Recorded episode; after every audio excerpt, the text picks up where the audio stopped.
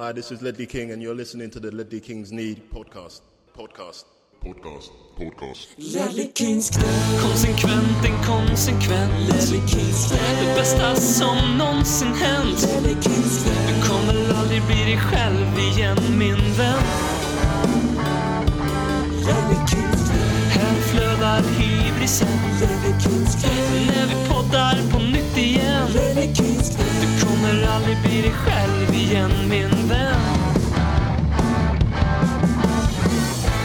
Du lyssnar på podcasten med mer Tourettes än Thomas Wilbacher. Det här är den värmländska amatörradioteatern Ledekins Kings knä som susar och brusar i dina öron. Inspirerad av vår gamla maskot Chirpy så kanske du har lagt märke till att vi har en ny logga. Eh, vi tyckte att det var dags att ömsa lite skinn i det nya året och uppdatera våran look and feel som det så fint heter.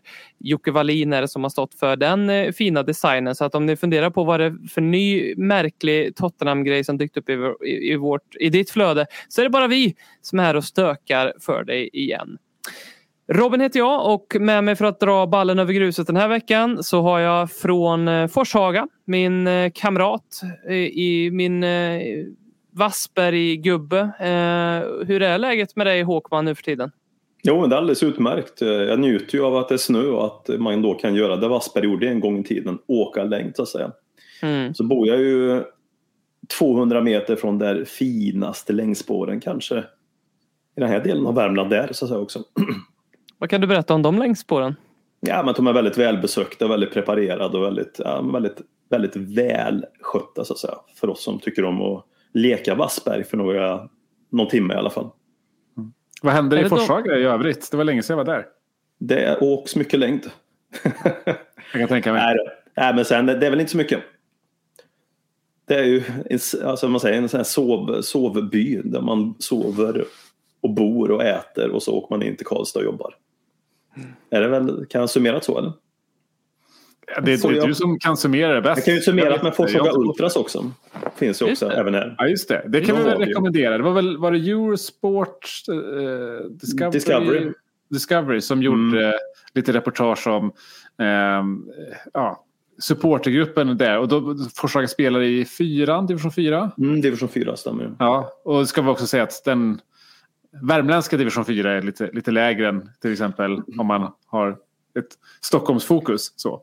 Eh, Men är det ju Samtidigt. två, det är två killar som är den supportergruppen och de splittrades för att den ene ville vara eh, ordförande och fick inte för den andra. Så då blev det två konkurrerande supportergrupper. Exakt, det blev två ultrasgrupper där som, som gjorde sitt så att säga. Och, um, ja, division 4-serien i sig, den håller väl inte Stockholm, men det är ju ändå den värmländska allsvenskan på något sätt. Liksom. Ja, Högre upp kommer du inte i Värmland än division 4. Sen får du ju börja möta tråkiga Örebrolag och sånt där om du ska spela division 3.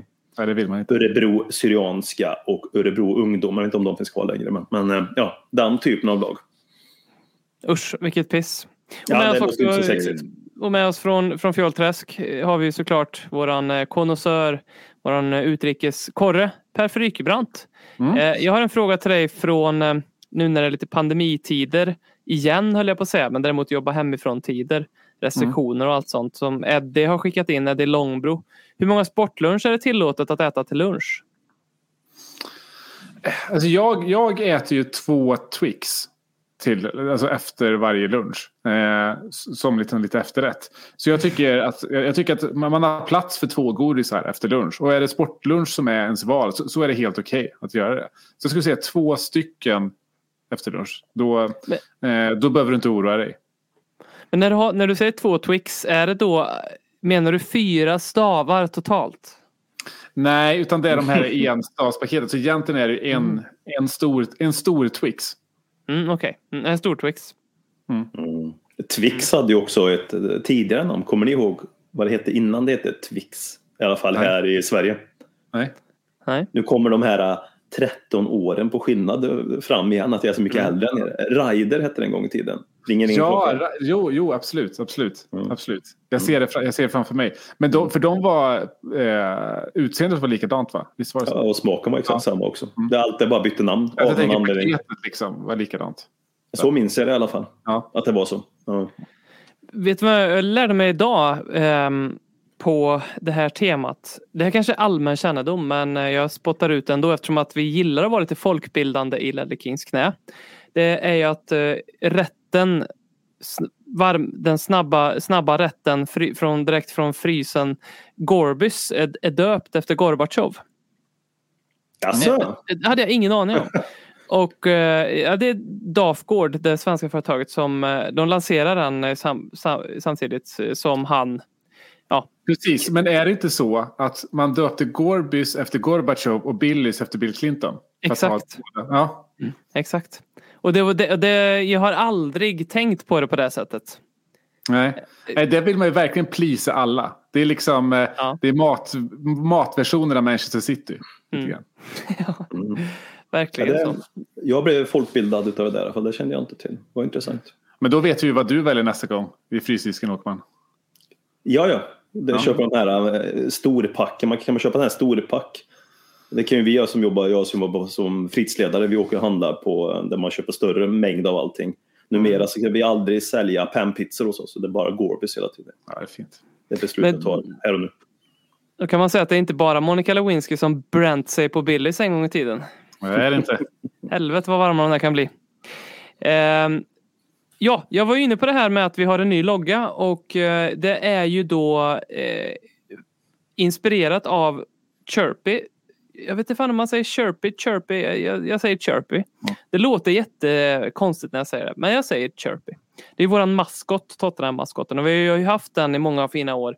Och det finns ju en bild, det finns väldigt få bilder på den här Chirpy som huserade någon gång på slutet 70-talet tror vi att det är början av 80-talet som ser fullkomligt livsfarlig ut. Den maskoten som antagligen inga barn eh, ens tänkte tanken på att krama. Eh, och eh, som bara som ser helt vansinnig ut. Jag, jag skulle ändå, jag, när jag satt och filosoferade lite kring det här så, så satt jag och tänkte på det här med maskotar i fotboll.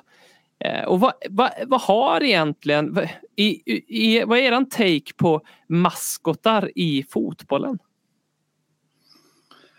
Ah, Håkman, har du starka känslor här? Jag har ju en åsikt i alla fall och den, är inte det väldigt mycket hockey det här bara? Jo, Hockey, NFL, eller? Och den här typen av jippos. Fotboll och maskot. Fan vad det rimmar illa. Är det, inte bara, är det inte bara i England man jobbar med det?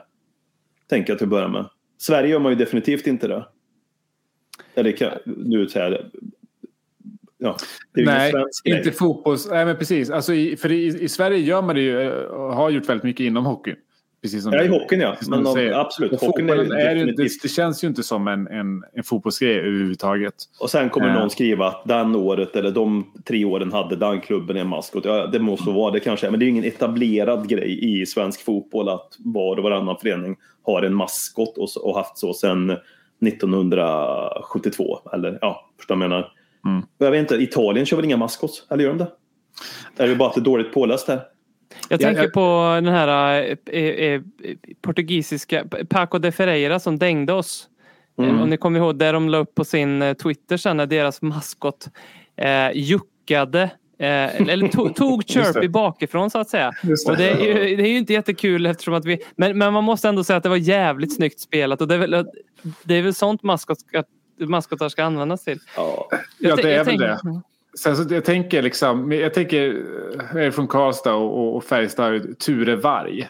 Och det var liksom min första med connection med Färjestad. Egentligen. Att man, gick, man, man mös lite med Ture Varg. Så, Mm. så det, är väl, det, är väl, det är väl det det är till för. Mysa lite och eventuellt bli liksom, eh, tagen bakifrån av eh, motståndarens sociala medieansvarig. Eh, Jag misstänker att det finns någon Leonard Jägerskiöld motsvarighet. Vad han är för eh, ja, klubbemblem och heraldik så finns det säkert någon som har skrivit en bok om maskotar inom fotbollen deras historia. Alltså, om inte annat så är det ett perfekt sätt för att profilera sig själv. Ja. Om det är någon nu som, som säger, söker lite en Twitter-profil och ha lite, lite, lite halvoffentligt sådär, så, så, så kör på det här. För det, jag hade följt det i alla Det fall. finns en lucka. Men det finns nu, nu kommer jag på hur mycket som helst. Det finns ett eh, Twitterkonto som är väl värt att följa. Som heter någonting ungefär som sad eh, eller mas mascots at eh, minute silence eller någonting. Ja. Det är jättekul faktiskt för då, då står ju maskoten ute på plan när det är en minuts tystnad inför match och alla spelarna ser jättesorgsna ut. Kanske är någon för detta lagkamrat, någon de kände till och med som har gått bort och de ser de deppar där. Och så, se- så ser man bilderna på de här maskotarna som står med världens fetaste leende mitt i det där. Eh, väldigt roligt faktiskt. Exakt. Och där har ju Norwich gjort det ganska bra för deras maskot, Captain Canary tror jag den heter. Den är ju alltid ledsen. Det är den enda liksom, maskoten som är ledsen. Alltså det Ja. ansiktsuttrycket är att den gråter typ. Eh, Captain Canary. så, så den är ju liksom anpassad för Minute of Silence-kontot. Den kommer ju aldrig komma upp där. Verkligen. Men det är ju lite konstigt. Jag tycker det, för det, vad gäller maskotar i Premier League, alla har ju en och alla ser ju liksom mer eller mindre likadana ut. Och lite, vissa är lite väl lika. Jag säga, Liverpools och Manchester Uniteds är ju typ samma maskot. Alltså, eh, Liverpools heter Mighty Red och, och United heter Fred the Red eller något sånt där. Båda ser, de ser likadana ut. Men de är väl rätt lika de där två föreningarna också så det är väl en symbolik liksom att ja. Manchester United Liverpool, de ligger nära till hands. De är båda rött. Ja. Det är väl Ja. rimligt att de har liknande maskotar. Ja, men Eller vad- kanske, vad- det, Vad- hur det hade kanske är varit så, om man, Djurgården och Bayern hade samma? Ja, det kanske har, de kanske har samma historia som eh, Forshaga Ultra så att en gång i tiden var de här två tvillingkusinerna som startade en klubb tillsammans, blev ovänner och så eh, blev det Liverpool den ena, Manchester United den andra. Ungefär som bröderna Adidas där så det blev Adidas och Puma eller vad fan det var. Ja, Eh, exakt. Mm. Ja, Men det, det här bara bevisar ju att det behövs en sån här Twitter-profil inom Mm. maskotar. Mm. Red ut det här för oss. Är det någon eh, du har någon särskild relation till Håkman när du tänker maskotar i Premier League som är sticker ut och är sämre än de andra? Ja, men när man tänker maskotar, då tänker jag väl lite grann att oftast finns ju maskoten oavsett vad man tycker om maskotar. Men som Tottenham så finns en koppling varför maskoten ser ut som den gör. Liksom. Och jag har inte dödskoll på alla maskotar exakt hur de ser ut till varje lag långt därifrån. Men jag vet att Arsenal har väl en dinosaurie, va? Eller? Har de inte det? Mm. Ja, Gunnersaurus. Ja. Ganosaurus, ja. ja men precis. Och jag tänker Arsenal, dinosaurier. Okej, vart har de gjort den kopplingen när han ramlade in på bordet av förslag? Vad ska vi ha för maskot? Jo, men vi tar en dinosaurie. Jag förstår inte. Ja, den är långsökt. Den är extremt långsökt. Jag vet inte, jag kanske har missat någonting med Arsenals historia. Den är ju väldigt den är ju väldigt spretig deras historia på många sätt menar jag. Alltså allt från eh, de har bytt ställen och ja, de har ju bytt det mesta så de har inga problem med att, med att inte följa en röd tråd liksom. Så, jag vet inte, varför finns det en dinosaurie i Arsenal liksom?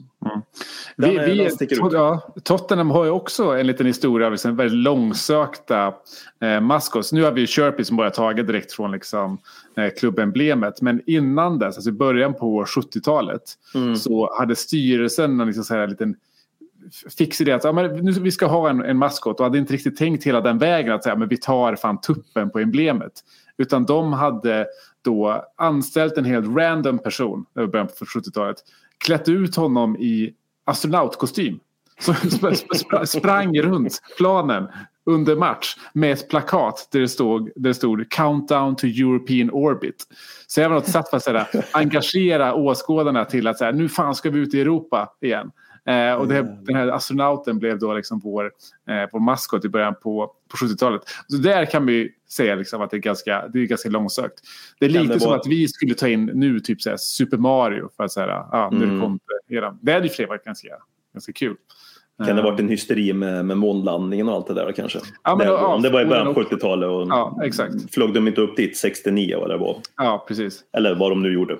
Eh, Där sägs det i alla fall, 69. Det, det sägs att de landade. ja, precis.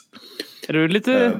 Är du lite... Nej, Eller? jag orkar inte ens bry mig om det faktiskt speciellt. Jag bara vet att det finns teorier om att det eventuellt inte var någon månlandning och för att de här flaggorna, ja, de, vif, de viftas väl någonting. De, ja, de ska, eller vad det är någonting med flaggorna och Rammstein har gjort någon låt där om det där också va?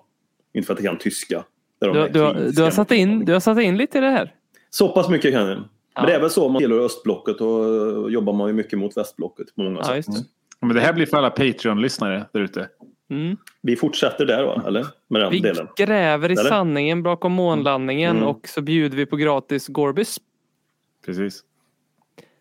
Ja, men det gör vi. Gratis. Det ska vara lika för alla. Lika för alla.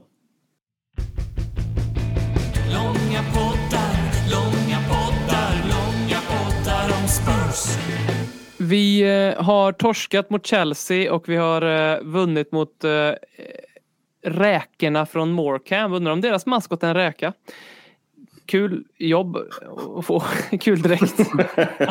Du behöver gå lite krökt hela tiden för att det här ska funka. Och framförallt så kan du aldrig gå heller. Vi säger att de går in för ett fulländat så liksom. Ehm, har vi gjort. Och när den här podden kommer ut så är det onsdag och det är också samma dag som vi spelar mot Chelsea. Så att vår ambition här är att spela in någonting som går att lyssna på efter Chelsea-matchen. Annars är eh, sändningstiden eller eh, slottiden för relevansen för den här podden lite väl kort känner vi. Jag tänker vi kan börja om en Ndombele. Erik Niva skriver att eh, Ndombele aldrig kan spela för Spurs igen. Sett till storleken på investeringen är det den sämsta värvningen i klubbens historia. Och Conte har ju kommenterat Ndombele idag, tisdag. Honestly, I think it's not right to speak about this type of situation. I think everyone is the owner of his gestures, you understand? I don't want to speak about this situation. I repeat, I don't like to speak about a player in front of the media. This is not fair. Ehm, och så pratar han lite om att han vill reda ut det här i enrum mellan fyra ögon tillsammans med eh, Ndombele. Då. Vad är din take på Ndombele-gate, Håkman? Nej men absolut, eh, han har under lång tid och det har varit en dålig investering. Eh, läste någonstans att han har gjort 10 matcher som han har spelat i 90 minuter sen han kom till, kom till oss från 2000, vad var det nu? Var det 2019? Ja. Ja. Mm. Ehm, och han har ju varit extremt ojämn. Extremt många människor som har kommit som har kritiserat han för hans eh, ehm, fysik och kondition och allt som tillhör det. Eh, han är periodvis kan verka loj på planen och han är, kan periodvis vara fullständigt elegant och vara den som kan luckra upp motståndarförsvar och vara den spelaren framför ett mittfält som är någonting som vi inte annars har till exempel. Som jag tyckte när han kom in mot Watford till exempel. Jag tyckte han kom in, slet av det bra attityd då och var en, en spelare som förändrade matchbilden lite även om vi inte dominerade fullständigt. Matchen mot, eh, mot eh, Liverpool, lika väl så, gjorde han också en jätte, jättebra match som jag ser det. Både se antal hur han engagerat sig på planen och löpmeter. Min take på det här det är inte att, att det verkar som upplevelsen utifrån folk som var på arenan och där du läste upp om Erik Nibas Twitter och lite andra Twitter som man läser i, i, eh, bland svenska Tottenham-supportrar och engelska naturligtvis var att men nu är måttet rågat. Nu får det ta slut. Nu måste han sluta spela för Tottenham. Nu kan han aldrig spela en match till. Ja, varför då? För att han gick av planen som han gjorde. Man har inte gjort det tidigare. Alltså, Var det här som fick droppen bägaren att rinna över? Liksom? Alltså jag tycker att det var en konstig vald tillfälle till att säga att nu har han gått alldeles för långt. Nu kan han aldrig mer spela i Tottenham. Jag säger inte att han ska spela mer i Tottenham. Jag säger inte att vi inte borde sälja honom. Men jag tycker att det fick en överreaktion det här liksom. Sett till incidenten. Alltså, där och då, för, det, det som liksom hände för de som inte såg var att så fort ändå Beles Eh, liksom, tröjnummer kom upp där på domarens tavla skulle bli utbytt. Eh, publiken började bua direkt eh, och han sölade av planen. Vi, be, vi behöver snabbt få in en ny, en ny spelare. Det var i 72 minuten någonting och han bara söla. Eh, och tog liksom en minut på sig att gå av plan. Och där och då kände jag, det här är det sista jag vill se. Alltså nu, nu, är, nu, är, nu är måttet rågat. Men när man tänker på det så säger det här är ju en inte lika illa situation som till exempel Xhaka-situationen i fjol. Det, trodde, det var jag också där då helt övertygad när det hände att han aldrig satt, kan komma sätta sin fot på liksom, eh, eh, i en Arsenal-match igen. Men det gick ju bra till slut. Det här, den här situationen är inte alls lika illa tycker jag. Det här är inte en Hossam Galli-situation när han slänger tröjan liksom, bredvid Martin Joll och liksom, klappar i händerna och säger nu är det klart, nu spelar jag inte mer här. Eh, men det är ju man är väldigt tudelad i det. För jag, jag är nog ganska emot att bua ut spelare. För det kommer aldrig något bra ur det. Liksom vad, Eh, jag kan inte föreställa mig hur det är men, men, men eh, att, att, få liksom 50 000 burop emot dig. Eh, men jag kan tänka mig att det inte är så jävla roligt. Men jag tror, det han visar på frustration för är ju eh, jag tycker man såg i, i, i ansiktsuttrycket att så var som var alltså väldigt missnöjd med, med, med, sig själv, med hela situationen, med matchen. Behöver inte vara ett, liksom ett fuck you-finger till, till klubben heller. Så. Eh, jag har ju haft lite förhoppningar faktiskt på sistone kring Ndombele. Inte att han kanske ska bli en långsiktig lösning men Conte är en sån. Han, han inkluderar ju de offensiva mittfältarna i liksom så slutfasen av hans implementering av sin taktik. Alltså det börjar med ganska pragmatisk uppställning. Att du sätter defensiven först. Du sätter de mer defensiva innermittfältarna om jag ska säga det först. Eh, det var precis det han gjorde i Chelsea med Fabregas. Det tog ett bra tid innan Fabregas fick komma in och spela. Eh, i, I Inter tog det en bra tid innan Eriksen fick komma in och spela. Men det är, liksom, det är det som är slutfasen. Det är de man inkluderar och implementerar allra sist i, i sitt uppbyggnad av sin, sitt spelsätt helt enkelt. Och där är det ju Ndombele eller Los Celso som, som ska vara den. För jag, jag, tycker inte det finns så många andra på, på marknaden just nu som kan, som kan vara de spelarna faktiskt. Så vi har ju, även om varken Los Celso eller Ndombele har gjort det särskilt bra i Tottenham så, så är de ju bra spelare, ska vara det.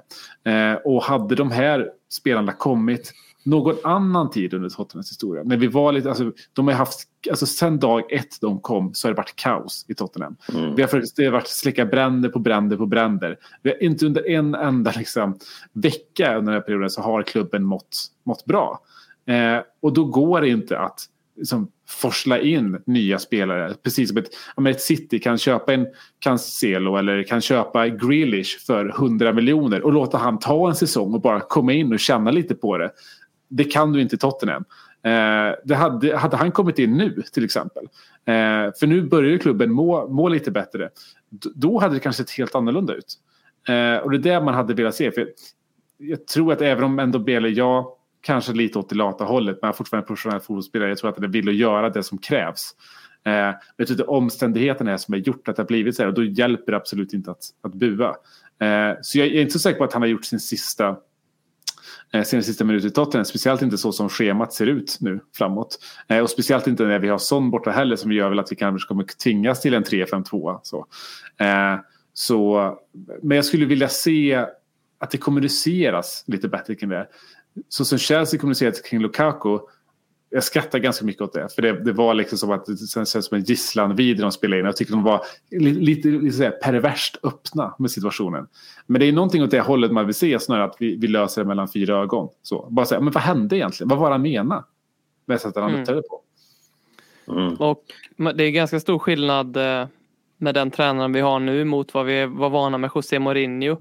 Man vet mm. ju bara om eh, Ndombele hade gått av och det hade varit Mourinho som varit manager hur eh, presskonferensen efter match hade låtit. Eh, troligtvis ganska annorlunda så jag respekterar Conte i det. Eh, ändå. Och sen ska man kanske inte glömma heller hur, hur Conte pratade om Ndombele för bara en vecka sedan. När han fick frågan så här, vad, uh, what position do you see Ndombele having in your squad? Och så, mm, midfielder I think. Mm. Då säga, ja, men där sätter du också lite, lite ribban på, mm. eh, på vad du kan förvänta dig tillbaka. Så. Sen så är det ju såklart att Ndombele är superflopp, superbesvikelse. Ja, han är kanske, alltså eftersom det är vår dyraste värvning och han inte gett något avtryck så är det klart att han är vår största flopp. Men, men, men vi vet ju vad han besitter men jag, jag tror att det, det, är absolut dags att, att liksom gå skilda vägar. Så. Eh, sen är jag inte så säker på att det kommer ske nu. Det kanske sker i sommar. För det är ju den där, det är den där lönen som gör det svårt mm. att skifta dem vidare. Eh, klart det finns eh, klubbar som gärna vill ha en Dombele men de kan inte betala de pengarna. Det jag tror vi har släppt på nu är att nu tänker vi inte längre att vi ska få tillbaka det vi gav. Nu tänker vi vi behöver bara bli av med löneposten. Eh, och det är, det, är en, det är en nyttig insikt. Men bara, redan där är det, bara där är det svårt att bli av med honom. Och han gör ju ingen reklam för sig själv sett till karaktär. Oavsett hur lite han egentligen är lat eller inte så sänder han ut, i mina ögon i alla fall, en, ett budskap om att han är och varit ganska dålig på att sköta om sig själv utifrån den bilden man har fått av honom. Han har ju haft ganska lång tid på att bygga upp någon form av fysisk status. Han har inte varit så där jättemycket skadad som Lo Celso har varit heller, liksom, i samma bemärkelse. Mm. Ja, det är stor skillnad på honom om man jämför med Harry Winks då. Ja, Så- Som, som ju kanske inte har levererat heller men nu har han börjat göra det och, och så fort han har fått chansen så har han visat att han blöder Tottenham. Och precis det du sa, Harry Wings är ju Tottenham. Så i min bok så får ju han mer chanser. Och i min bok har man ju inte samma förväntan på honom. Ändå Bele skulle ju vara vår nästa it-spelare liksom. Skulle ju vara han som gjorde det Moussa Dembele gjorde. Plus lite till. Eller ja men typ var vår nästa Moussa Dembele. Och han var ju vital för vårt spel. Som jag ser det. Vital Ja. liksom. Så det, det fanns ju väldigt hög förväntan på Moussa, eller på um, Ndombele från alla håll. Mig inkluderat. Trodde stenhårt på den nu förut. Men jag vill bara säga det med buandet. Min take på det. Jag, jag eh, har absolut inga... Jag tycker att alltså det är känslor i fotboll. Alla känslor som kommer ut är inte alltid det man kanske känner sen när man landar i det. Liksom. Eh, med, med, med tidens gång. Men att folk buar åt Ndombele oavsett vad anledningen är. Lika väl som man jublar åt Ndombele oavsett anledning. Inga problem som helst med det. Våra spelare, ja fuck it liksom. De är... um, att de är våra spelare, vi buar åt dem i den kontenten, kontexten som vi buar åt dem där och då. Utifrån sportslig, sportslig prestation. Eller att de skulle behandla Tottenham på något dåligt sätt som Harry Keane gjorde i början. Där. Det är inga problem alls med det. Lika väl som att de blir hyllade utav oss. Det är så i den här delen. Det är mycket känslor. Och de känslorna tycker jag alla har rätt. Nu säger jag inte att ni inte sa det, men jag tycker att jag backar liksom det, den sidan av det så att säga. Om man säger så. Mm. Jag, jag, jag har väldigt svårt att um, hålla med om det för jag vill inte att vi ska bli en buande eh, klubb. Jag, och det, det är nog inte så mycket i det här att jag tycker att eh, att det är typ taskigt eller för hårt mot spelarna. För det håller jag med dig om att så här, Eh, man hör ju en del när man är på fotboll i England vad mycket det skriks eh, från på de egna spelarna liksom som är man tänker oj vad, det här är ju sådana glåpord som man tror man ska höra om motståndarspelarna faktiskt. Eh, men, det- men det är väldigt mycket känslor. Men jag, jag tycker det är pinsamt just det kollektiva buandet. Jag har alltid tyckt så här. Eh, helt, jag tycker det blir lite urvattnat och lite inflation i det när man använder det för mycket.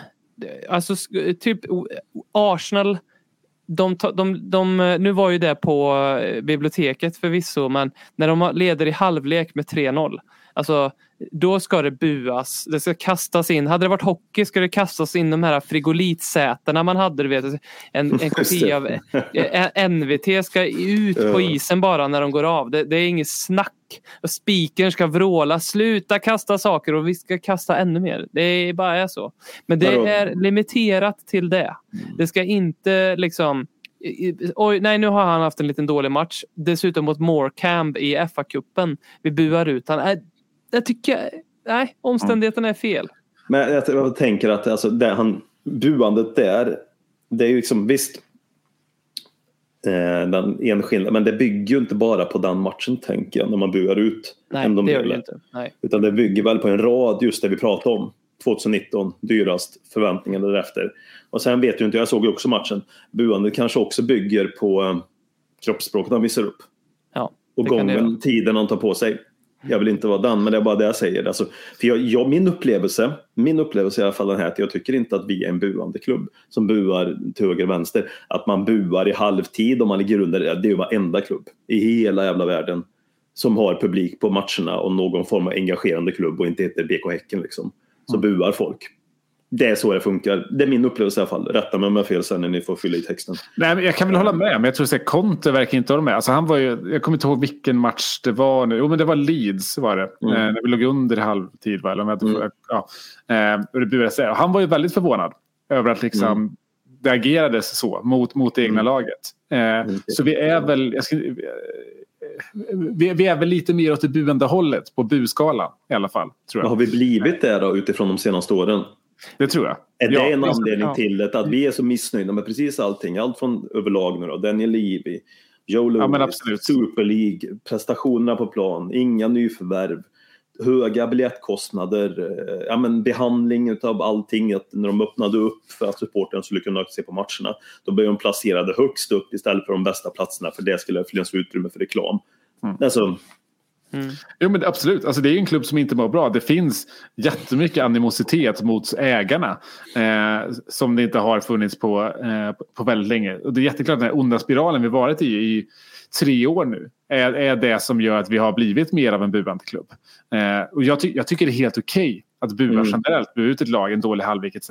Men det är när man gör mot enskilda spelare. Som i det här fallet. Nu, nu går liksom historien lite isär. För var, det Ja. liksom, var det för Eh, eh, var det för att folk buade som han var långsam eller buade folk för att han var långsam? Om du förstår. Ja. Eh, eh, och eh, och, det, och det, det tycker jag liksom är ganska avgörande i hur man ska recensera en eh, liksom, eh, eh, vad han gör på plan. Sen så är det inte det en, en, en ursäkt på något sätt. Alltså, du ska oavsett så ska du bara springa av den där jävla planen. Ungefär som Dele gjorde. För Dele, både Dele och Ndobele var ju på den där jävla tavlan. Båda blev därmed utbuad. Men Dele gick av närmast eh, liksom, närmsta möjliga punkt och fick applåder från läktaren. Mm. Hade Ndobele gjort samma sak så tror jag väl att så här, ja, kanske inte lika varma reaktioner som, eh, som, som Delle. Men, men inte den, liksom, speciellt inte den backlashen som blev efteråt. Då hade vi bara snackat om att ja, Ndombele var lite, lite kall. Och, och nu snackas det snarare om att han måste lämna klubben. Så att han har ju uppenbarligen, uppenbarligen inte gjort rätt. Men i vilken, vilken ordning saker och ting hände i har ändå liksom... Eh, den är ju ändå av vikt för att recensera hans, eh, vad han gör. Mm. För, för jag tänkte han tar den längsta stigen. Vi ligger under i matchen. Han tar tid på sig. Folk hinner bli irriterade. Men vad fan springer av planen tänker jag att de skriker. Ja, Kane fick ju gå fram och liksom, nu fan får du... Och så byggs det upp Han- under han tiden. rakt Men folk ut. blir mer... Så, Vad sa du? Vad sa ni? Han, han går ju rakt ut också. Han går ju inte att sätta sig på bänken. Han går ju rakt ut Nej, till, ja, exakt. till omklädningsrummet. Jo, alltså, jag, nej, alltså, det jag menar i början det var att jag blev inte förvånad. Jag blev bara förvånad att folk sa att det här var droppen med Ndobele. Han kan aldrig mer spela i Tottenham. Så jag kan ju tycka båda delarna, men herregud. Det måste han kunna göra. Han måste kunna spela Tottenham för detta. Han har väl gjort saker innan. Det var väl inte så allvarligt. Han tog av sig tröjan som ni sa, Hossam Ghali style. Och slängt den på Martin Joll fast då, då kom det. Ja men då är det ju natten. Då ska du inte spela något mer. Då är det liksom, som jag ser det i alla fall. Då är det arrivederci liksom. Så gör man inte. Och gjorde inte Xhaka samma sak också? Jag vet att ni pratade om han gjorde det också. När han, var, när han var kapten dessutom. Nej, men det är, i min Men- bok, då är det liksom oförlåtligt. Men ehm, och vi ska inte glömma att vi också, det var ju buandet som mer eller mindre fick Nuno sparkad när han bytte ut Lucas Moura så att det, det finns så. en röd tråd här. Jag vill eh, bara också för, för mig, vi ska inte fastna i den här Morecambe eh, för mycket men för mig så blev det så uppenbart att laguttagningen där i den matchen var ett större problem än de enskilda spelarna. Mm. När man Mm. tar ut, det var lite så som Nuno gjorde när eh, vi åkte till Vitesse och han tog ut ett lag junisar liksom och för att han ville vila hela A-laget eller junisar och reserver åtminstone eller B- backupen. Alltså det sänder aldrig en bra signal. Det- är jävligt svårt att göra en sån sak på ett bra sätt och bara byta en elva rakt av. För jag tycker inte att det är spel, spelare i den där elvan som är individuellt egentligen dåliga fotbollsspelare men tillsammans kollapsar de för att de inte har en form tillsammans. För att de inte har ett momentum tillsammans, för att de inte har spelat så mycket, för att de inte har det självförtroendet och sen också för att det går så som det går i den där matchen och ing, ingen riktig ledartyp på plan. Tar, det. det kan man absolut lasta dem för, för det borde någon av dem ha gjort. Harry Winks var väl den enda egentligen som tog tag i det. Um, så att Ja, men, jag, ja, jag, jag skulle vilja ge en liten känga till Conte faktiskt. Ja men absolut, absolut. Jag, jag, håller, jag håller helt med. För där, jag tycker det är... eh, Det ska så mycket till för att du ska kunna... Alltså det, det är en utopi. Alltså att du lever i en liksom Playstation Fifa-värld där du tror att du kan byta ut 11 spelare när du spelar liksom Liga FA-cupen. Mm. Och det blir ju alltså, ännu mer förödande när du gör det med spelare som inte ens är anpassade för det systemet. Att vi ställer upp helt utan anfallare till exempel. Alltså, Ja. Det går ju inte. Det där är ju bara, det, det är bara oschysst. Alltså, det var det som var grejen med, med Nuno också. Så jag tyckte att han, han, fick, han fick, fick lite hyllningar för att han spelade Dane Scarlett så mycket i de matcherna till exempel. Medan jag tyckte nog att det här gränsar nog nästan på mobbning och förstör hans karriär. För att du, du sätter in honom i ett så dysfunktionellt lag att det här aldrig kan bli bra. Eh, och det är exakt så. Alltså, och det var ju samma sak nu med, med, med Conte i den här matchen. Men nästan ännu värre eftersom vi också ställer upp med fel spelartyper. Och det är, en klubb ska må väldigt bra och ha väldigt tydlig spelstil som du har liksom hamrat in i tre, fyra år för att det ska funka. Liverpool lyckades någon gång när de hade liksom Everton i FA-cupen medan de körde, hade VM, klubblags-VM-finaler någon gång så. Men så ta så som Liverpool gjorde nu senast. Luftade extremt mycket juniorer men hade van Dijk där bak, hade Konaté där bak, hade Robertson där. Eh, och så har du Fabinho där på mitten. Och så, då har du en trygg ryggrad, då har du ledare på planen. Och så kan de här junisarna komma in och faktiskt göra någonting och visa upp sig. Och det är det man inte kan om man gör så som Conte gör i en sån här match. Eh, så att jag, jag, det är en utopi att kunna lufta en hel, en hel, en hel elva. Så. Eh, och sen är det så att säga, vi har inte ens materialet för att göra det idag. Alltså, vi har inte ens en, en till anfallare att slänga in. Så, så det, blir ex, det blir extra... Ja, det blir nog dubbel, dubbelbajsmacka. Det är som du säger, alltså, för att man ska kunna göra det och att det ska kunna funka, man ska kunna switcha så många spelare eller 8, 9, 10, 7 stycken så måste klubben, tränaren hunnit jobba, fått in de typerna han vill ha som funkar och kan det sättet som vi vill att vi ska spela på. Då ska man kunna ta den spelaren, vem det är, sätta han på den innermittfältspositionen. Mm. Han vet ut och innan, de här rörelsemönstren har jag, så här ska jag jobba, så här jobbar jag i defensiven, offensiven, så här jobbar jag i omställningsspelet, så här jobbar jag diagonalt och så, etc. Då ska det sitta liksom. Då kan det funka. Mm. Som du menade Per, jag är helt inne på det spåret och där är vi ju inte på långa vägar. Mm. Hur ska man det- med det? Precis, och det är, exakt, det, liksom? det är exakt det här priset du får betala när Ja. du byter tränare så ofta. Ja, och, Eh, för då ska jag ha helt olika spel, eh, Mm. nya spelsätt. Du har inte truppen för det. Ja, men då, kan du inte, då har du inte 22 spelare som passar ditt system perfekt. Men har du varit, varit i en Mm. klubb i fyra, kanske fem år som i Klopps fall, då har du faktiskt det. Nu, kan har vi verkligen, nu har vi verkligen by- bytt. Nu spelar vi ju Mm. 3-5-2, 5-3-2, hur du nu ser. Och, Och det är ganska då, stor ja. skillnad liksom, också på spel. Typ. och ta då någon som Tanguy Ndombele som kommer, som gör det där klivet till en stor klubb från franska ligan, kommer till ett nytt land, kommer till en ny liga, går, ska spela med Pochettino, en, hel, en, typ av fotboll. Pochettino ryker ganska tidigt. In kommer Mourinho, en helt annan fotboll. Mm. Mourinho ryker, Nuno kommer in, en helt annan fotboll. Nåväl. Så i alla fall en annan person och så. Eh, Ett annat namn i alla icke, fall. icke-fotboll. Eh, Conte kommer in i en helt annan fotboll. Det är ju, alltså det, för mig är det lite så här förskönande omständigheter. Det är lite grann som att kom, eh, få en ny anställning på ett jobb och sen få byta chef och arbetsuppgifter med, det vet vi ju alla, det skulle vara jävligt obekvämt liksom. Mm. Eh, Ja, precis. man skulle, man skulle argumentera sig till döds på mål och utvecklingssamtalen om att vad fan, ge mig tid. Jag, jag, jag behöver att Daniel Levy kommer ner och säger något inspirerande till mig så att jag kan lyfta mig. Eh, så, så skulle man väl känna. Eh, Anton Rosengren undrar vem som borde spela nu istället för Son när han är skadad.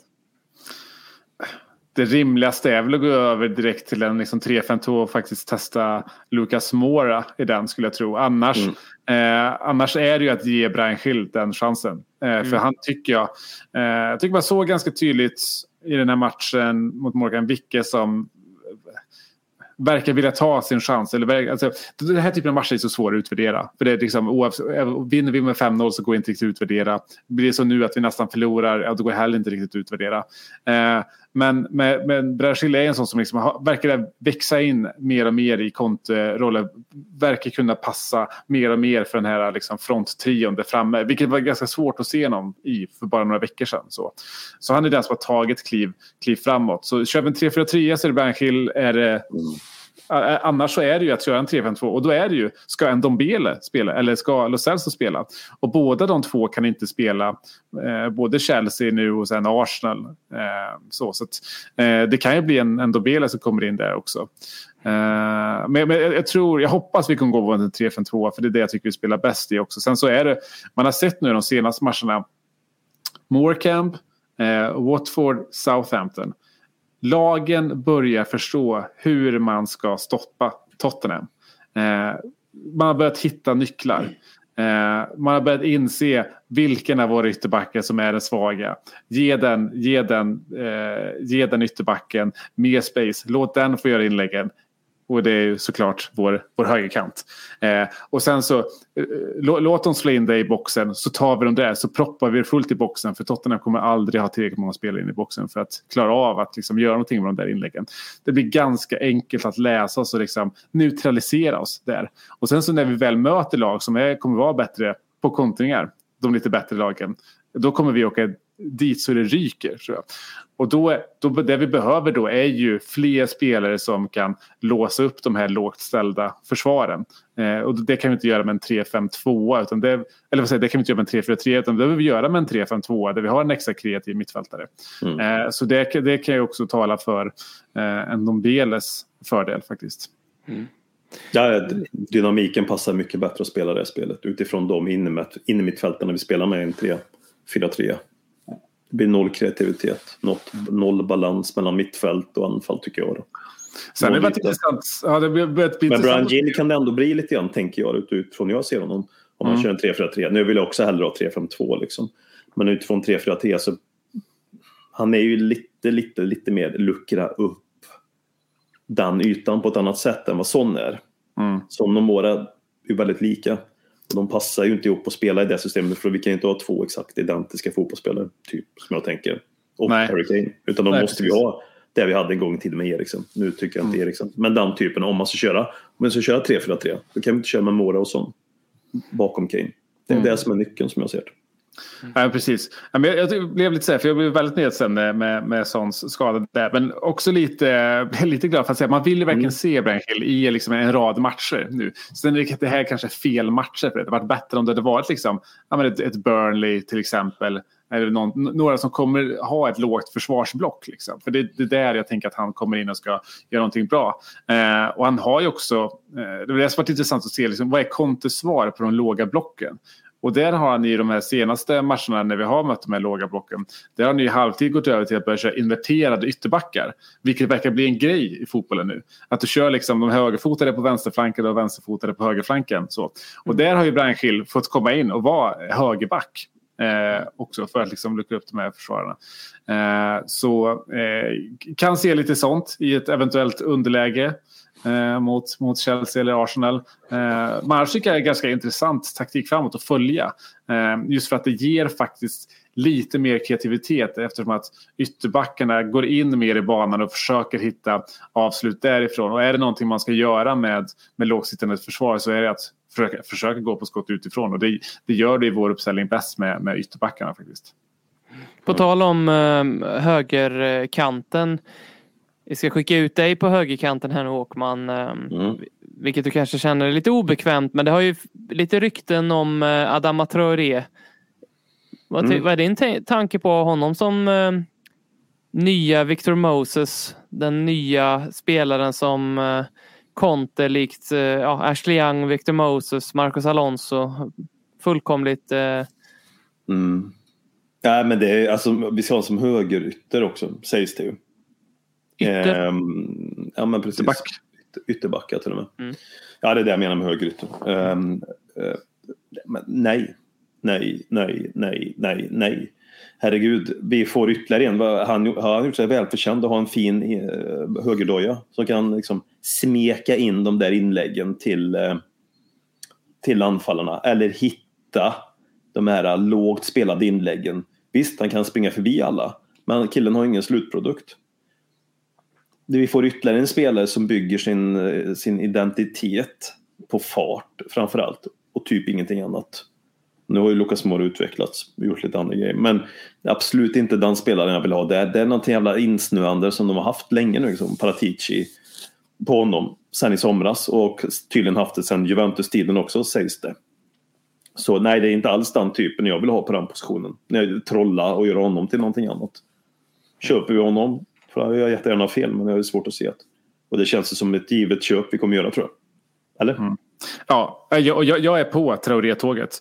Eh, dels hade en enkel anledning till att eh, det var Sherwood som, Tim Sherwood som tog honom till England. Eh, och vi måste lita mm. mer på, på Sir, mm. Sir Tim. Mm. Så bara en sån sak.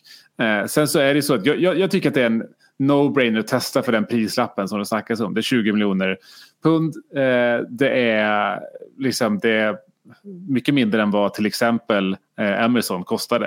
Eh, och jag tycker för den, den, den mång, mångfacetterade spelaren vi får för den prislappen är, är ganska bra. Sen så tycker jag att, jag tycker att det är lite, så här, lite för tvådimensionellt att bara gå på liksom hans, hans slutprodukt och inläggsspel. För man måste tror jag, se hela paketet i det så här, varje gång han kommer in mot de stora, ta oss till exempel. Även om inte alltid hans inläggsspel är det allra bästa. För hade det varit det hade han inte kostat 20 miljoner pund. Men det han skapar är alltid kaos. Det är alltid ytor. Och är det någonting som inte Emerson gör idag. Och jag tycker att vi ska ha kvar Emerson. För att jag tycker Emerson är en bra defensiv ytterback. Och om någon gång Conte skulle lämna och vi går tillbaka till en fyrbackslinje. Då är Emerson en jättebra högerback. Men i, i Traorés fall så eh, eh, det Emerson inte klarade av att göra är att göra någonting med den där ytan. Det tror jag att det, det, det, kan Traoré göra någonting med. Det är inte alltid inläggsspel. Men han är fantastisk på att göra någonting med den där ytan. Att göra sin första gubbe. Och mot lågt sittande försvar, försvar så är det det ofta ska göra. Sen är han såklart mycket, mycket bättre på vad gäller omställningsspelet. Det kommer att vara tio gånger bättre än vad Emerson är idag. Så jag tror att vi får en helt annan liksom, dynamik. Alltså, se, se att kunna kasta in en Traoré i 70 när vi inte riktigt lyckas luckra upp det där försvaret eller när vi ska ligga på kontringar eller vad det nu än kan vara. Eh, så jag, jag, jag, tycker att det är en no-brainer för, för den summan. Eh, det är en liten chansning. Men, men för, för 20 miljoner pund så får vi inte ett safe bet. Liksom. Eh, och, och, liksom. och, och, sen, och sen, sen, så tycker jag, så, jag tycker han är jävligt cool. Det är klart att så här, det, det är sådana spelare som ska spela i Tottenham. Du vet inte riktigt vad du får. Det är jävligt mycket flärd. Det är, liksom, det är Tottenhams DNA. Nej, inte den typen tycker jag verkligen inte är det. Den typen av oss, det är i sådana fall spelare som är lite mer eleganta, som är lite mer tekniska, bollskickliga och kan behandla bollen på ett mer elegant sätt. Typ Berbatov, nu är han väldigt duktig också. För mig är han inte någon Tottenham-spelare på den aspekten. Visst, han kan göra det oberäkneliga, han kan springa snabbt, han kommer öppna upp ute. Det jag kan se med honom och ha en Tottenham, som jag tror kan ha fördel med i sådana fall, det är att han, just han, han skapar eh, markering mot sig. Både en och två stycken. Och då kan du öppna upp på andra håll. Den kan jag se. Det kan jag se att han har en väldigt stor fördel med just att han på det sättet skapar oro i motståndarlag. Oavsett hans slutprodukt eller inte så får han ett par gubbar på sig. De blir stressade av hans närvaro. Absolut, mm. det köper men, jag. Men det är väl det som är hela poängen tänker jag. Säga. Istället ja, men 20 miljoner pund, du, du sa att Nej, men istället för att, köpt, men du sa att Emerson köptes för en liten summa. Bara för mer summa köptes han 25 miljoner pund. 27, 26. 30. Det var inte så mycket. 30. Ja. Alltså, tror mer till och med. Nej, men, alltså, nej, men för grejen är att om, om, med en sån som Emerson, du behöver inte sätta en spelare på honom. Du behöver bara ticka inne i, i liksom jag, jag, jag, säger inte att Emerson är det alternativ vi ska ha. Nej, nej jag, förstår, jag förstår. Men, men, att, Traoré, bara, en sån sak, bara en sån sak. Bara en sån sak som det du säger nu, att det mm. krävs två spelare för att ta ja, men, Traoré. Okay. Bara en sån sak är det två spelare färre i det jävla straffområdet. Då gör det ingenting att han inte har världens bästa inläggsfot. Han lägger bara tillbaka den till Romero som sätter ett perfekt inlägg på pannan på Kane. Alltså bara en sån sak att han drar två spelare ut ur, ur boxen är ju jättevärt mot lågt sittande försvar. Ja, jag, men, jag erkänner att han har sina fördelar, absolut. Det är det jag menar med det. Han har ju den, har ju den egenskapen. Men det har ju inte gett Wolverhampton speciellt mycket heller. Alltså, de, du sa att han hade de säljer ju inte honom för den summan. Hans kontrakt går väl ut i sommaren eller? Eller ett och ett halvt år? Ja, ett och ett halvt år. Ett och ett halvt år. De är ju inte heller villiga att sälja honom om de inte tycker att det finns, ja, vi kan göra oss vi kan leva utan honom liksom också. Det mm. finns också en sån poäng. Och den, den är ju ingenting man sakar upp sig på utifrån att de vill att sälja. Vad, vad då finns det någon gås begraven där? Liksom att man inte ska köpa om man kan inte det. Jag bara tycker att det är ingen typ vi behöver investera utifrån vår hela, hela truppbyggnad där vi befinner oss här och nu. Om vi har en viss summa pengar vi ska investera i under det här januari som jag inte vet hur mycket det är. Vart behöver vi lägga fokus för att få totten att bli så bra som möjligt här och nu fram till säsongens slut. Då är det inte, då är inte den och de 20 miljoner punderna utifrån vad jag tycker han tillför i den positionen. I mm. den positionen. Utan då är det andra hål jag personligen hellre ser att vi använder de pengarna till. Och kommer vi göra det eller inte, även om de köper Traoré, det vet vi inte förrän det är 31 januari. Liksom. Då vet vi svaret på de här funderingarna jag har i mitt huvud utifrån om vi ska ha den eller inte.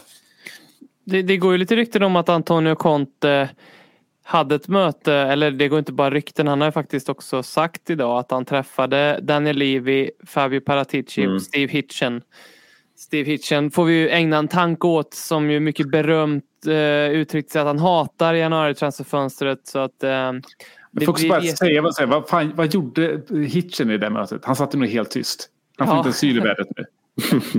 Jag tänkte, försök få en syl i vädret med Daniel Levy. Parati, Paratici känns ju inte riktigt som någon som håller igen direkt. Så och inte Antonio Conte heller. Så att eh, Hitchen satt nog där och kaffe och tyckte att januari transferfönstret är hyfsat överkomligt nu när de här nya italienska kollegorna har kommit in. Vad Men, gör eh, Hitchen i sitt Tottenham längre?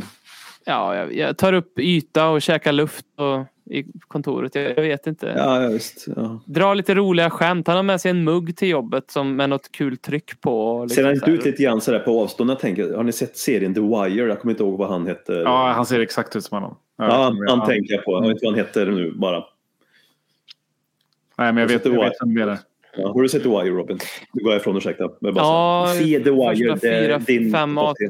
ja. Okej, ja då var det inte det. Ja. Ja. skitsamma. Eh, Eh, men hur som helst Håkman, eh, vad, vad, tror, vad tror du händer i... Det har ju gått rykten om att eh, Daniel Levy satte sig på ett så trevligt flygplan för att åka och träffa Joe Louis i Bahamas här. Och, vad tror du avsikten för januari är? Vad, vad får du för känsla? Och varför i helvete åkte han till Bahamas 5 januari eller nu fan det var liksom. Det är ju, om det nu var så, varför gjorde han inte det 5 december eller 5 november till och med? Varför gjorde han det? Nu kanske Conte kom lite senare. Men varför gjorde han det 5 januari? Om det nu var för att börja prata om vad ska vi köpa? Eller framförallt hur mycket pengar har vi att köpa för? Varför? Vad behöver vi? Eller vad tror vi att vi behöver? Ja, definitivt. Det beror ju på lite hur vi ser på Ndombele och Celso nu resterande delen av säsongen som du var inne på Per. Ehm, ser vi att de är kvar och vi försöker göra det bästa möjliga med de båda två säsongen ut, ja, men då behöver vi ingen mer central mittfältare. Ser vi att de ska bort, att de är förbrukade oavsett om de är kvar eller inte i klubben, behöver vi definitivt en central mittfältare till klubben. Så säga. En anfallare är väl en no-brainer för alla att vi behöver. Ehm, Jag skulle även vilja se en central back utifrån att vi kör med tre innebackar just nu. Och Mm. en wingback också faktiskt. Jag vill faktiskt se en konkurrens för Emerson för jag också ser att vi behöver det mot Emerson Royal. Ehm, så den är jag också inne på. Men någon fram cen- central linje helst vill jag se. Alltså om man går Kreativ utifrån... innermittfältare då också vill jag bara säga. Ursäkta. Kreativ innermittfältare vill jag se också. Ja. Alltså man går ifrån utifrån den kronologin som Conte vill utveckla sina lag inom. Mm. Eh, som vi var inne på förut. Alltså att sätta försvarsspel först. Och då, då kanske snarare det offensiva försvarsspelet. Alltså vad, vad, hur ska våra, vår, vår, vår liksom, eh, försvarstrea faktiskt distribuera bollar upp till nästa linje och sen nästa och så vidare. Mm. Och då är det det vi ska förstärka. är ju en till, eh, en till mittback, en till högerback och kanske en till då innermittfältare snarast. Liksom att, utifrån den kronologin så är det det vi ska göra. Eh, sen så är det väl så att eh, den här anfallspositionen, det går inte att komma runt lite grann för att citera Palmeutredningen. Eh, det behöver vi göra någonting nu. Och det, är det inte Vlahovic så är det liksom, vad heter han, Charles de eh, Ketelaere. I Mm. den belgiska anfallaren som det pratas väldigt mycket om, som det förmodligen kommer bli. Han Eh, 20-åringen där eller? Exakt, exakt. Mm. Han är ju, vad är han, 1,92. Eh, ser väl på, jag ska erkänna att jag har inte sett mycket utav CDK. Eh, men... Eh, Det är men, första gången jag hör hans namn. Mm. Ja, men det snackas, snackas mycket om honom. Mm. Alltså, folk, alltså, jag, jag är mest läst och jag har inte sett jättemycket. Men, men folk snackar ju alltså, verkligen som att han är the real deal. Så sen ska inte jag ge någon liksom, större analys så. Men han är ju ganska mångsidig liksom, anfall ändå. Mm. Och den här liksom, centertanken som vi faktiskt kan slänga in mot ett Morecamp. Då. Eh, men jag skulle väl tippa på att det vi får är en, en högerback och då i Traoré. Eh, Jag tror inte att vi löser en innermitt. För jag tror inte att Kessie kommer. Det är väl honom man kan hoppas på. Eh, på mittbacksfronten där så eh, är det ju faktiskt så att nu när Romero kommer tillbaka och Dyer är så bra så är det egentligen inte några av de positionerna vi behöver stärka inom. Vilket är det det snackas lite om. Ifall så här, ja, men den mittbacken som man skulle kunna få nu är ju Stefan de Vrij till exempel. Men jag ser inget behov av att behöva stärka upp på de två positionerna nu. Du, I så fall är det liksom på Davis positioner och där är det ju Pau Torres som vi försökte rycka i eh, under sommaren här väldigt mycket. Eh, och eh, han är ju väldigt kär i sitt Villarreal och vill liksom spela i Europa med dem så att jag tror inte att han kommer gå heller. Eh, och då är det inte så mycket kvar. Då är det ju liksom på forwardplatsen då. Eh, få, blir det en Vlahovic eller blir det en CDK? Eh, det, är väl, det, är väl det, som är, det är väl det som är frågan. Jag vet ju vad jag föredrar. Eh, men jag vet också vad Livi föredrar. Och de två sakerna går inte ihop där. Så jag skulle tippa på att det kanske bara blir en, eh, en Traoré i januari här. Besvikelse. Mm. Jag vill säga helt ärlig, jag är lite ringrostig tror jag. För jag, du säger med innebackarna där. Vi har ju Romero, jag har fan glömt bort Romero nu ett tag. Mm. Det är sant. Mm. Mm. Herregud, vi har ju Romero. San Sanchez Romero har ju faktiskt gjort det bra i den. Ja, ja, ja. Nej, det är ingen, då, är det ingen, då känner inte jag heller, jag bara backa lite där. Mm. Då är det ingen superpanik heller där. Sett till hur förhoppningarna och hur Romero såg ut, börjar se ut och även sett ut under Nuno tycker jag. Så jag menar, och hur Ben Davis utvecklas. Nej, det är inte någon panik där. Det är det här centrala mittfältet. Vet du. Utifrån mm. hur han ser på Los Angeles och Ndombele. Jag, för jag, och sen en anfallare utifrån att jag vill ändå att sen vad jag vill och vad, vad, vad Conte vill, det kan ju olika saker. Jag tror vi skulle må väldigt bra av att ha ett 3-5-2 liksom, det är det jag vill säga. Mm. Um, Precis. Och det, den här sommaren kommer bli superintressant för vad gäller innermittfältare. Ja. Kessie är ju liksom gratis. Ja, Dennis Zakaria kommer vara gratis. Eh, Calvin Phillips kanske åker ur ligan till exempel. Mm. Alltså det känns som att det kan hända mycket där. Men det är ju de lite mer box-to-box mittfältarna eller kanske åt mm. lite mer defensiva hållet. Vad gäller kreativa spelare, som jag var inne på förut, jag kan inte riktigt se någon framför mig där som skulle kunna komma in och de finns, alltså de finns där ute, en, en Barella till exempel, klart de finns, men inte som vi kan ta och göra bättre. Kanske en Bruno Gumares till exempel skulle mm. kunna vara bra. Men, men mm, ingen klockren sådär. Nej, för det är just den typen jag vill ha på ett mittfält. Sen och kan KC kan ju vara bra för då får vi uppgradera det vi redan har där. Men det är framförallt det vi saknar nu när Los Angeles och ändå Bela återigen för 551 mm. gången inte fyller upp till den, eh, till den nivån vi vill att de ska göra i Tottenham för att de ska kunna axla en sån mantel. Och skulle de göra det då skulle vi vara tror jag, väldigt nöjda med det vi har om vi skulle få ut någon form av ja, maxprestation av de två över en längre tid. För mm. kvaliteten och kunskapen finns ju i truppen. Det tror jag definitivt i en sån position. Det gäller att få ut det också. Det vi måste verkligen bara bort från eh, det här. För mig det här transferfönstret måste vi bort från de här tendenserna som Livi gärna hamnar i när han blir lite så här, oh, a good deal liksom. Mm. Eh, vi, vi, får inte göra någon mer sån värvning för det är så många gånger som det har bitit oss, bitit oss i röven och man bara undrat så här, varför har det inte funnits en bättre plan? Och särskilt nu när vi har Paratici på plats eh, mm. och vi har Conte som i, minst sagt ställer krav Eh, så, så, kommer det inte funka om Livi bara, ah, kolla jag hittade, jag hittade en ytter till. Alltså typ en, en, om vi säljer Bergvagn och köper någon till så, exakt identisk spelare som han. Då vet man att Livi bara har varit ute och så här fönstershoppat och bara ryckt åt sig någonting som han har fått. Alltså, det, det måste finnas en ordentlig plan nu med vad vi tar in. Eller att vi hamnar där bara i en situation där, där vi förhandlar om spelare och så är vi på väg att få dem och så fattas det några pund hit och dit, miljoner pund naturligtvis. Och det blir ingenting där ut på tiden och så slutar det med att tiden är för nära 31 januari så att den klubben som vi förhandlar med säger nej det blir ingen deal. Och så går vi ut och lägger jättemycket pengar på andra spelare och så blir det för nära och så helt plötsligt så får vi ingen eller så lyckas vi köpa en 23 och 55 liksom. Och så är det någon spelare bara som kommer där och då som inte alls är tanken från början att vi skulle köpa den typen, den spelaren till den positionen. Det, det, det mönstret har man ju sett allt för många gånger. Det är så jag ser Livis mm. återkommande transferfönster, ungefär på det sättet. Liksom. Mm. mm. Precis. Nej, men jag ser lite, lite för att tillbaka till vad, vad jag liksom hoppas på också. Att så här, det, är på, det, det är på högerflanken med högerytterbacken liksom, som vi behöver få in lite mer dynamik. Eh, men sen så är det, få, och förstärker vi inte på anfalls eh, på anfallspositionen, alltså få in en striker till. Mm. Då tror jag vi kan glömma topp fyra. Och topp fyra är vi just nu favoriter till. Så där, gör vi inte någonting där, då skjuter vi oss själva i foten. Och det, mm. behöver, det, det behöver inte vara en Vlahovic. Det kan vara en CDK. Men vi behöver någonting mm. där. Mm. För Vlahovic får vi hand och då blir jag minst sagt förvånad om man säger så. ja, ja verk, verkligen. Eleanor Roosevelt sa en gång att eh, stora hjärnor diskuterar idéer, medelstora hjärnor diskuterar saker och små hjärnor diskuterar eh, personer. Eh, vi har ju Eh, ett ytterligare filter, ett ytterligare lager. Vi har ju supersmå hjärnor eftersom att vi nu ska prata om eh, fotbollsklubbar, eh, andra sådana i segmentet som kallas skratta åt topp 6. Let's laugh at the top 6. They are really shit.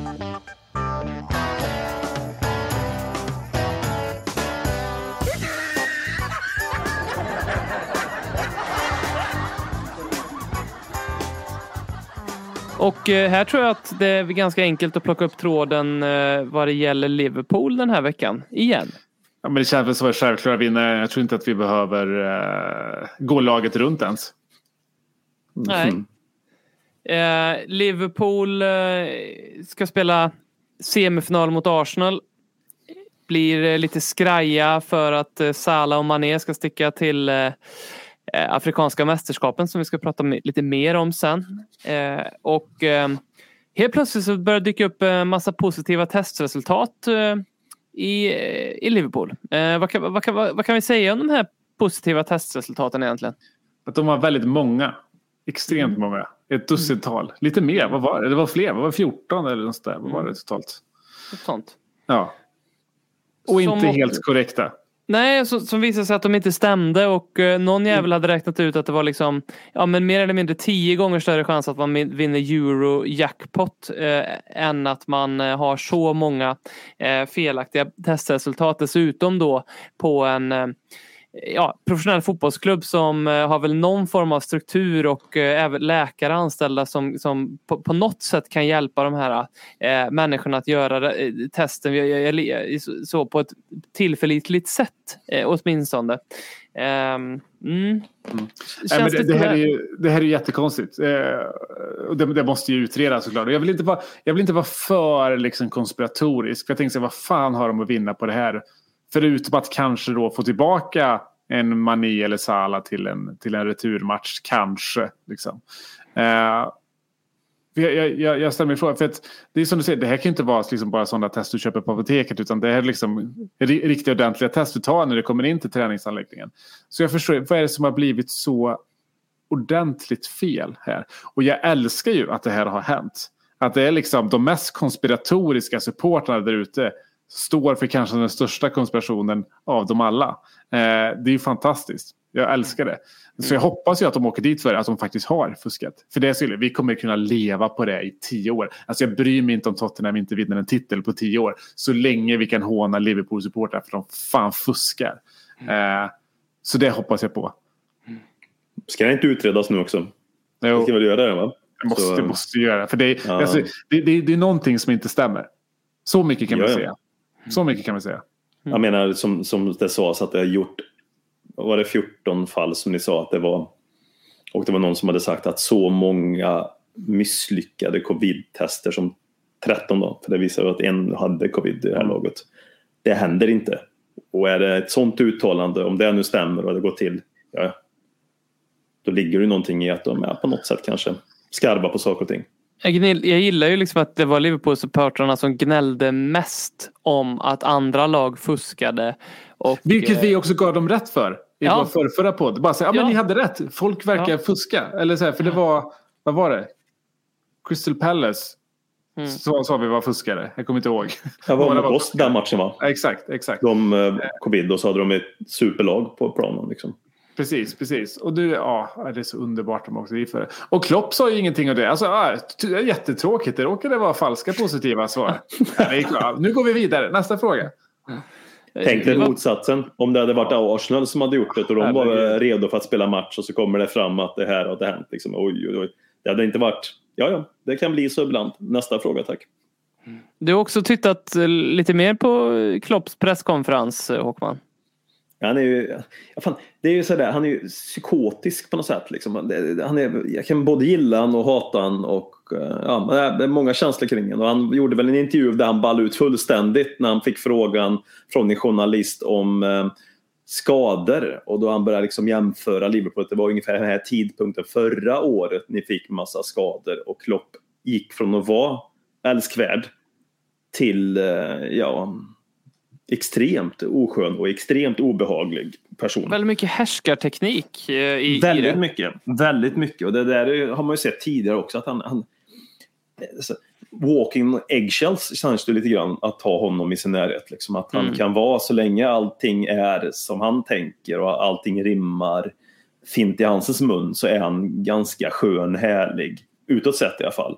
Men vid minsta lilla händelse som går emot honom på något sätt så byter han skepnad fullständigt. Mm. Och det är alltså, helt ärligt, det, det verkar vara något, eh, någonting som inte står riktigt bra till med hans mentala hälsa tänker jag. Mm. Men han verkar dels, han har ju alltid haft liksom aggressionsproblem. Men nu är det liksom på en, för då är det mest varit på plan. Liksom. Han, Ja. kan, han kan brusa upp liksom så. Men nu är det så han är liksom genuint otrevlig mot, mot alla. Eh, jag, jag tror inte han mår bra. Nej, på, alltså på är bra. riktigt verkligen. På Nej. riktigt. Det är någonting som inte står bra till liksom, med honom. Ehm, och man får ju hoppas att ja, han gör av med den ilskan där och då i alla fall. Då, liksom, sådär. Robert skickade in en fråga som vi kan eh, skohorna in lite i Skratta och topp 6. Eh, Mm. Av Chelsea, Woolwich eller Wankham? Eh, jag, har aldrig hört, jag har aldrig hört Wankham förut. Inte Jag, jag heller.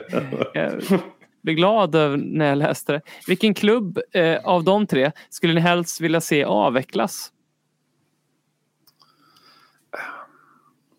Ja, Men det är väl Chelsea ändå. Alltså, eh, Arsenal Ja. lever man ju lite på eh, alltså hatet på ett fotbollsrivalitetsmässigt sätt. West Ham känns alltid relevanta.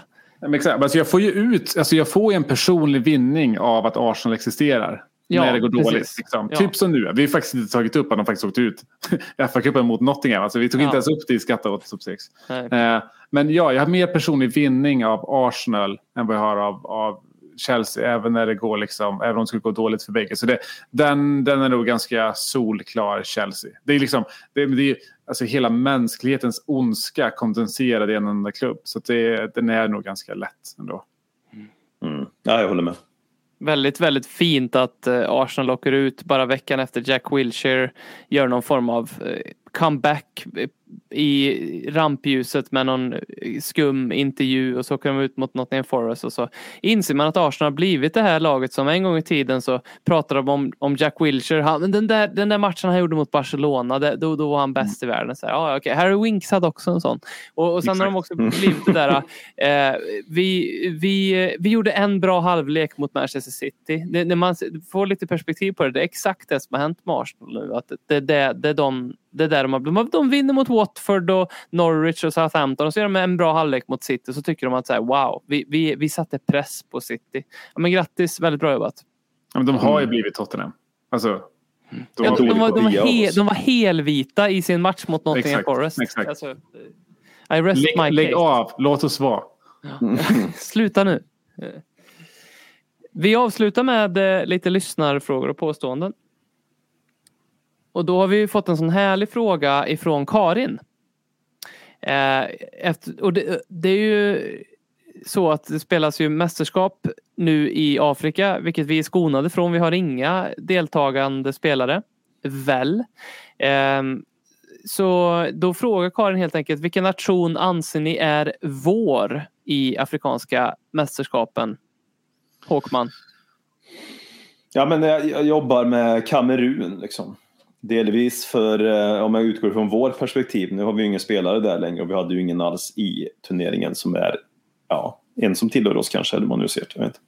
Eh, alltså Ikoto, en gammal favorit i Tottenham efter det. Ja, även innan det så låg Kamerun, har Kamerun alltid legat mig varmt om hjärtat utifrån ett afrikanskt perspektiv. Allt från VM 90 och framåt. Men eh, ur Tottenham-perspektiv så är det alltså Ikoto i synnerhet som är min gubbe där så att säga i Tottenham där och då.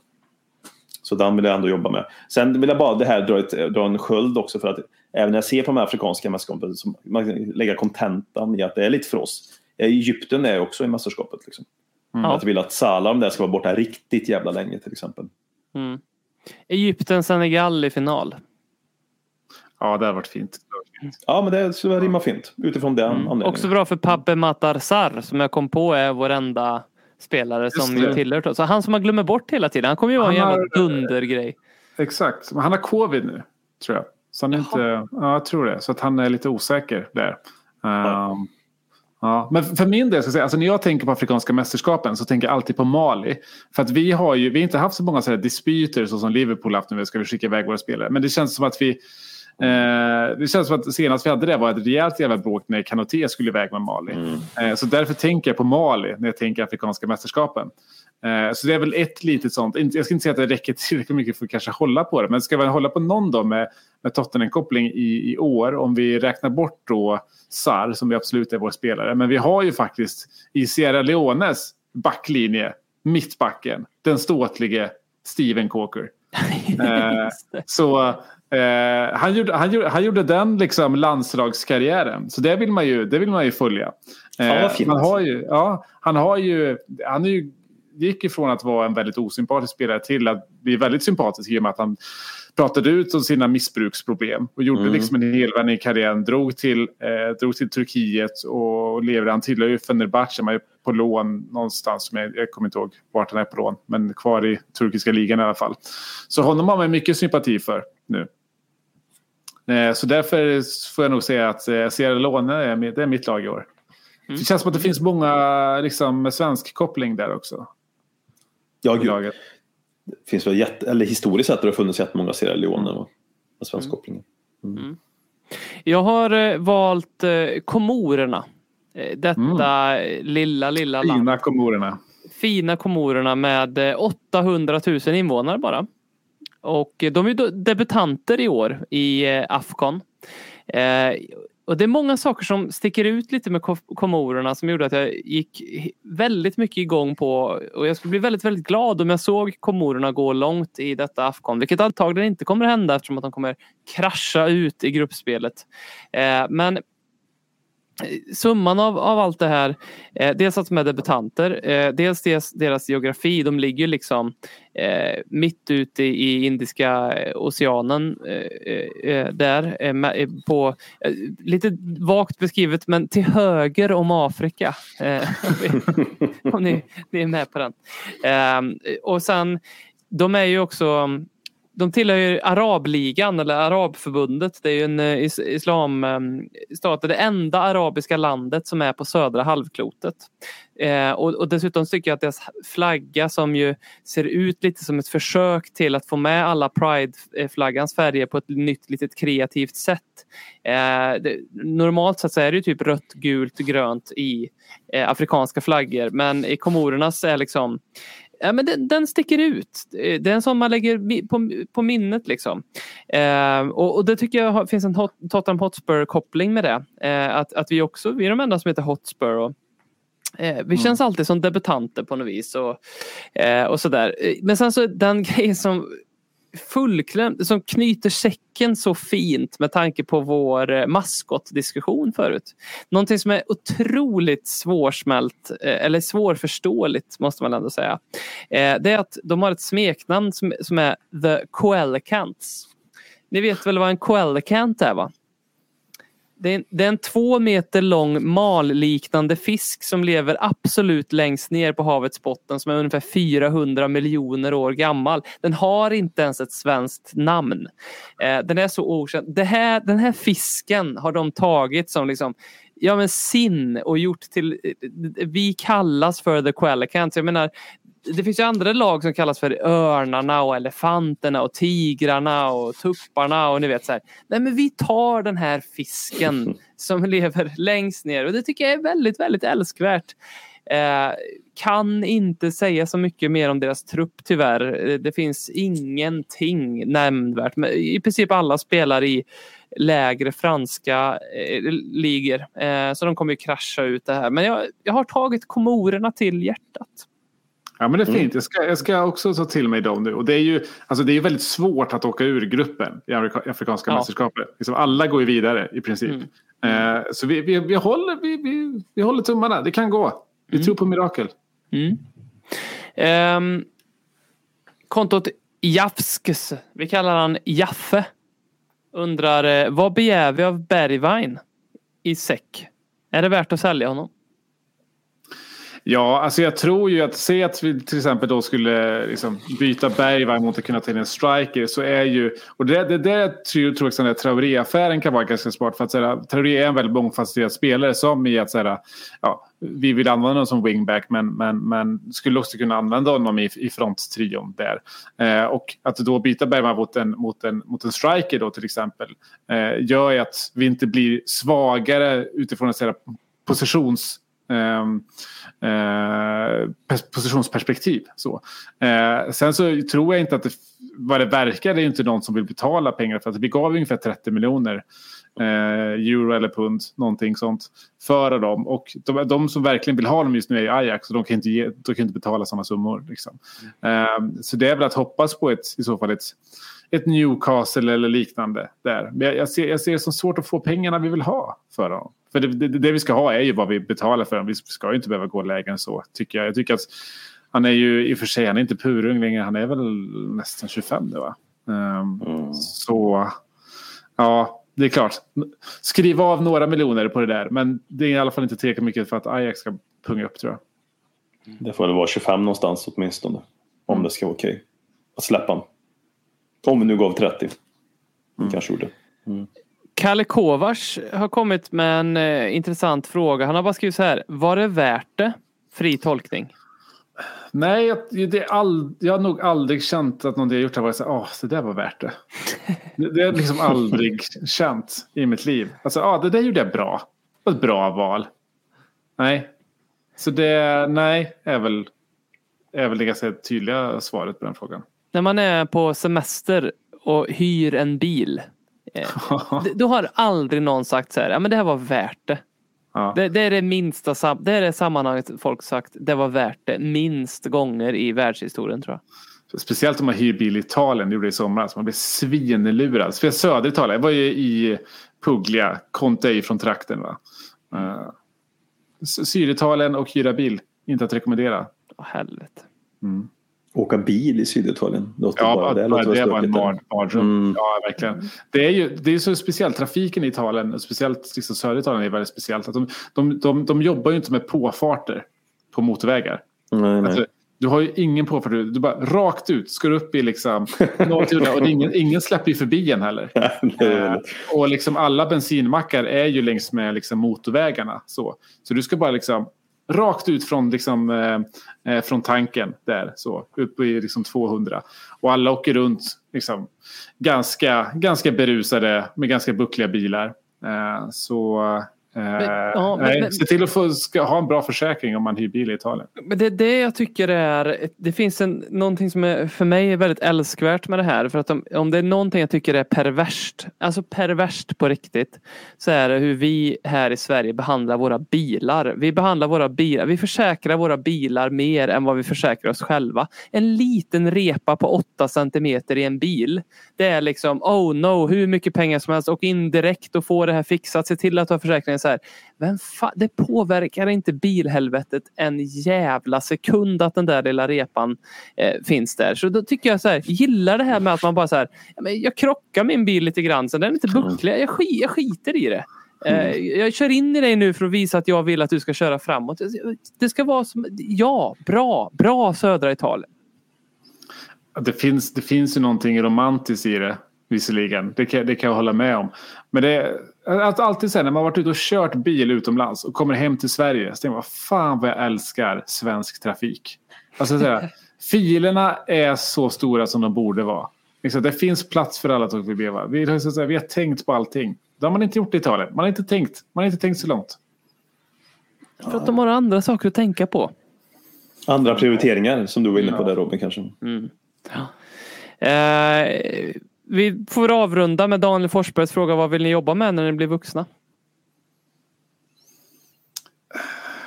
fnula lite häromdagen faktiskt på ifall man skulle ta sina pensionsbesparingar och kanske köpa upp en liten klubb i Grekland eller Italien eller någonting. Istället för att köpa liksom eh, en stor villa ute i, i Europa. Så det, det kanske man ska göra. Mm. Det var en bra grej att göra med, med pensionen. Överleva är min eh, inställning när jag kommer dit. Mm. Om det var passionen, överleva. Kanske döpa, köpa den här lilla grekiska klubben och döpa den till någonting eh, när Tottenham har blivit uppköpt av liksom kinesiskt företag och heter Tottenham Tigers eller någonting och bytt logga och allting. Och, eh, ja, men köra gå all in och kalla dem för The White Cox of Greece eller någonting. Trevligt, lite upprättelse. Känna att man gör något nyttigt. Kra- krascha lite bilar på fritiden.